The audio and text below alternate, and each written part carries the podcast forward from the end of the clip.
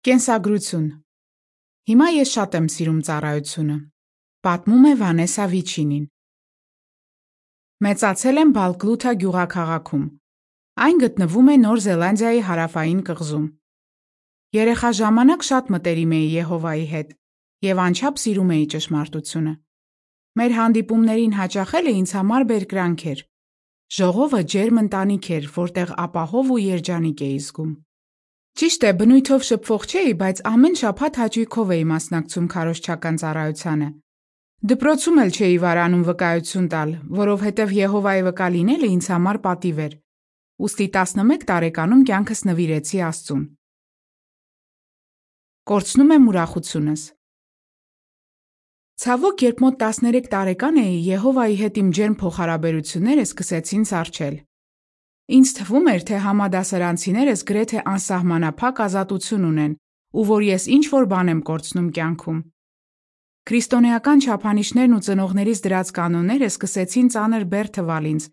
իսկ ծառայությունը դժվար պարտականություն։ Թեև Եհովայի գոյությունը երբեք կասկածի տակ չեմ դրել, բայց իմ ու նրա միջև աստիճանաբար անդունդ առաջացավ։ Ճիշտ է, լիովին չէի դադարել մասնակցել քարոզչական գործին, բայց Եհովային տալիս էի իմ նվազագույնը։ Ծառայության գնալուց առաջ երբեք չէի պատրաստվում։ Դրա համար էլ զրույց սկսելն ու շարունակելը իսկական փորձություն էր ինձ համար։ Ոստի զարմանալի չէ, որ ծառայությունս անարդյունավետ էր եւ ուրախություն չէր բերում ինձ։ Դա էլ իր հերթին ավելի ու ավելի էր մեծացնում հակակրանքս այդ գործի հանդեպ։ Ինքս ինձ մտածում էի. ինչպես կարող է ինչ որ մեկը շաբաթներ, ամիսներ, անգամ տարիներ շարունակ ուրախությամբ անել սա։ 17 տարեկանում անկախ լինելու ցանկությունս դարձավ անհաղթահարելի։ Կապեցի ճամպրուկներս, հեռացա տնից եւ տեղափոխվեցի Ավստրալիա։ Ծնողներիս համար շատ ծանր էր տեսնել, թե ինչպես եմ լքում հայրական տունս։ Նրանք մտահոգված էին, բայց հույս ունեին, որ չեմ հեռանա Եհովայից։ Ավստրալիայում հոգեվորապես ավելի թուլացա։ Հաճախ էի բացակայում ժողովի հանդիպումներից։ Բացի այդ, մտերմացա այնպիսի երիտասարդների հետ, ովքեր ինձպես մի օր գալիս էին ժողովի հանդիպման, իսկ հաջորդ օրերին գնում էին գիշերային ակումբներ խմելու եւ ապարելու։ Հայացք նետելով այդ օրերին կարելի է ասել, որ մի ոդքով ճշմարտության մեջ էի, իսկ մյուս ոդքով աշխարում, բայց ոչ ճշմարտությունն էր հարազատ սրտիս, ոչ էլ աշխարը։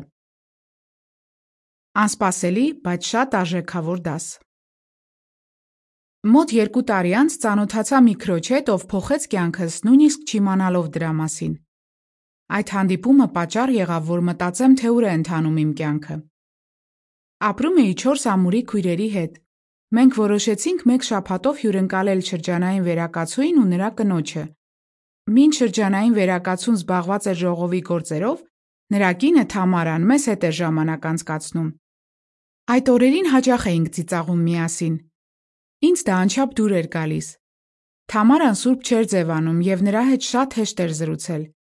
Աչքերիս չէի հավատում, որ հոգեվորապես այդքան հասուն անznավորության հետ հնարավոր է այդքան հաճելի ժամանակ անցկացնել։ Թամարայի խանդավառությունը հիացնում էր մեզ։ Ճշմարտության եւ ծառայության հանդեպ նրա սերը վարակիչ էր։ Թամարան Եհովային ուրախությամբ էր տալիս իր լավագույնը, մինչդեռ ես անգամ իմ նվազագույնն էի դժկամությամբ տալիս։ Այդ քրոջ դրական տրամադրվածությունն ու անկեղծ ուրախությունը անջնջելի հետք թողեցին իմ կյանքում։ Նրա օրինակը օգնեց, որ մի առանցքային ճշմարտություն հասկանամ։ Եհովան ուզում է, որ բոլորս ծառայենք իրեն ուրախությամբ ու ցնծությամբ։ Կրկին սկսում եմ ուրախություն ստանալ ծառայությունիցս։ Ուզում էի Թամարայի պես ուրախ լինել, բայց դրա համար պետք է փոփոխություններ անեի։ Մոտ 3 տարի տևեց, մինչև կարողացա որոշ փոփոխություններ անել կյանքումս։ Ես սկսեցի պատրաստվել ծառայությունից առաջ, ինչպես նաև ժամանակ առ ժամանակ ենթարահվիրայություն անել։ Դա օգնեց, որ քարոզելիս առաջվա պես չլարվեմ եւ ավելի վստահ զգամ ինձ։ Նաև սկսեցի ավելի հաճախ օգտագործել Աստվածաշունչը ու դա կրկնապատկեց ծառայությունից ստացած ուրախությունս։ Կարճ ժամանակ անց արդեն ամեն ամիս էի ենթարահվիրածառայում։ Ես ընկերացա տարբեր տարիքի մարդկանց հետ, ովքեր սրտանց էին ծառայում Եհովային եւ ուրախություն էին ստանում դրանից։ Նրանց օրինակը օգնեց, որ մտածեմ, թե կյանքում ինչին եմ առաջնային կարևորություն տալիս եւ հոգեվոր գործերի լավ գրաֆիկ կազմեմ։ Ծառայության հանդեպ սերս օր-օրի ավելանում էր, եւ ես ռահվիրայություն սկսեցի։ Վերջապես երկար տարիներ անց ժողովում գտա իմ տեղը եւ կրկին զգացի ինձ ինչպես տանը։ Գտա իմ մշտական ծառայակցին։ Մի տարի անց ծանոթացա Ալեքսի հետ, Նա շատ բարի ու անկեղծ մարդ է, ով անչափ սիրում է Եհովային եւ ծառայությունը։ Այդ ժամանակ նա ծառայող օգնական էր եւ արդեն 6 տարի էր ինչ ռահվիրա էր ծառայում։ Նաեւ մոտ 8 ամիս Մալավիում էր ծառայել, որտեղ քարոզիչների մեծ կարիք կար։ Այնտեղ Ալեքսը շփվել էր միսիոներների հետ, ովքեր խոր ազդեցություն էին թողել իր վրա եւ հորդորել էին, որ շարունակի նախ Աստծո թակավորությունը փնտրել։ 2003-ին ամուսնացանք եւ առ այսօր լիաժամ ծառայության մեջ ենք։ Այդ ծառայությունը մեզ շատ բան է սովորեցրել։ Եհովան էլ անսահման օրհնել է մեզ։ Օրհնությունների նոր դուռ է բացվում մեր առաջ։ 2009-ին մեզ նշանակեցին որպես միսիոներներ ծառայելու Թիմոր Լեստեում։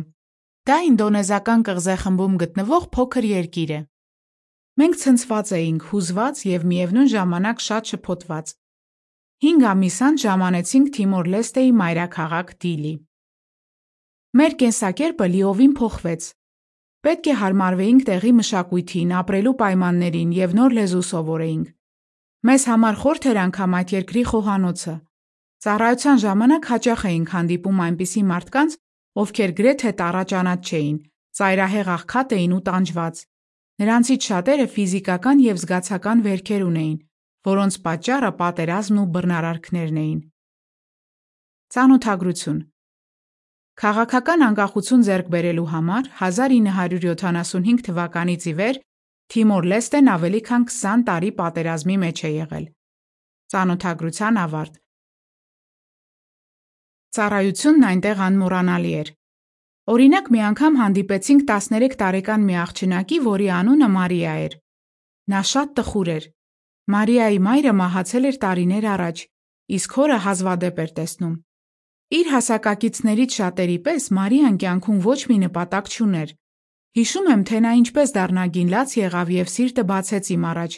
բայց ես ոչինչ չհասկացա, քանի որ լավ չէի խոսում իրենց լեզվով։ Այդ պահին Եհովայից օգնություն խնդրեցի, որ կարողանամ քաջալերել այդ աղջնակին։ Ապա սկսեցի Աստվածաշնչից մխիթարական մտքեր կարդալ նրա համար։ Տարիների ընթացքում ականատես եղա, թե ճշմարտությունն ինչպես փոխեց Մարիայի տրամադրվածությունը, արտաքին տեսքը եւ ողջ կյանքը։ Այժմ նա Եհովայի վկա է եւ Աստվածաշնչի մի քանի ուսումնասիրություններ է անցկացնում։ Մարիան այլևս միայնակ չէ, նա հոգևոր մեծ ընտանիք ունի, որտեղ իրեն սիրված ու գնահատված է զգում։ Եհովան առատապես օրհնում է Թիմոր Լեստեում ընթացող քարոզչական գործը։ Թեև այնտեղի քարոզիչների մեծ մասը մկրտվել է վերջին տասնամյակի ընթացքում, նրանցից շատերը ծառայում են որպես ռահվիրաներ, ծառայող օգնականներ կամ երեցներ։ Ոմանք էլ աշխատում են թարգմանչական գրասենյակում եւ աջակցում են տեղի լեզուներով հոգեվոր սննդի թողարկման գործին։ Սիրտս ուրախությամբ էր լցվում, երբ ժողովի հանդիպման ժամանակ տեսնում էի նրան ճպտացող դեմքերը, լսում էի, թե ինչպես էին երկով փառաբանում Եհովային եւ օր-օրի նկատում էի նրանց հոգեվոր առաջադիմությունը։ Ավելի գոհացուցիչ կյանքի մասին չէի էլ կարող երազել։ Թիմոր Լեստեում մեր ապրելակերպը լիովին տարբերվում էր այն բանից, թե ինչպես էինք ապրում Ավստրալիայում, բայց ավելի գոհացուցիչ կյանքի մասին ես չէի էլ կարող երազել։ Օրինակ տեղից տեղ գնալու համար սովորաբար օգտվում էինք փոքր ավտոբուսներից։ Դրանք լի էին ոչ միայն ուղևորներով, այլև տեղի շուկայի բազմազան ապրանքներով, սկսած չորացրած ձկներից, վերջացրած բանջարեղենի արկղերով։ Ուսումնասիրողներից ոմանք ապրում էին յուղակներում եւ պատահում էր, որ մեր քննարկումները անց էին կացնում հենց յուղակում, որտեղ տոթ էր, հատակը հողից էր եւ մեր շուրջը հավեր էին վազվզում բայց չնայած բոլոր դժվարություններին ես վայելում էի այդ ծառայությունը։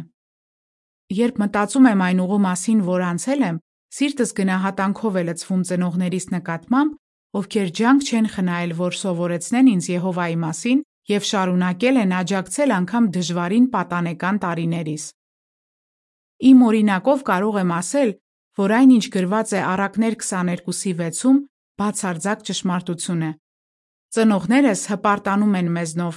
եւ շատ են ուրախանում տեսնելով, թե ինչ հաճույքով ենք ծառայում Եհովային։ 2016 թվականից ի վեր շրջանային ծառայության մեջ ենք։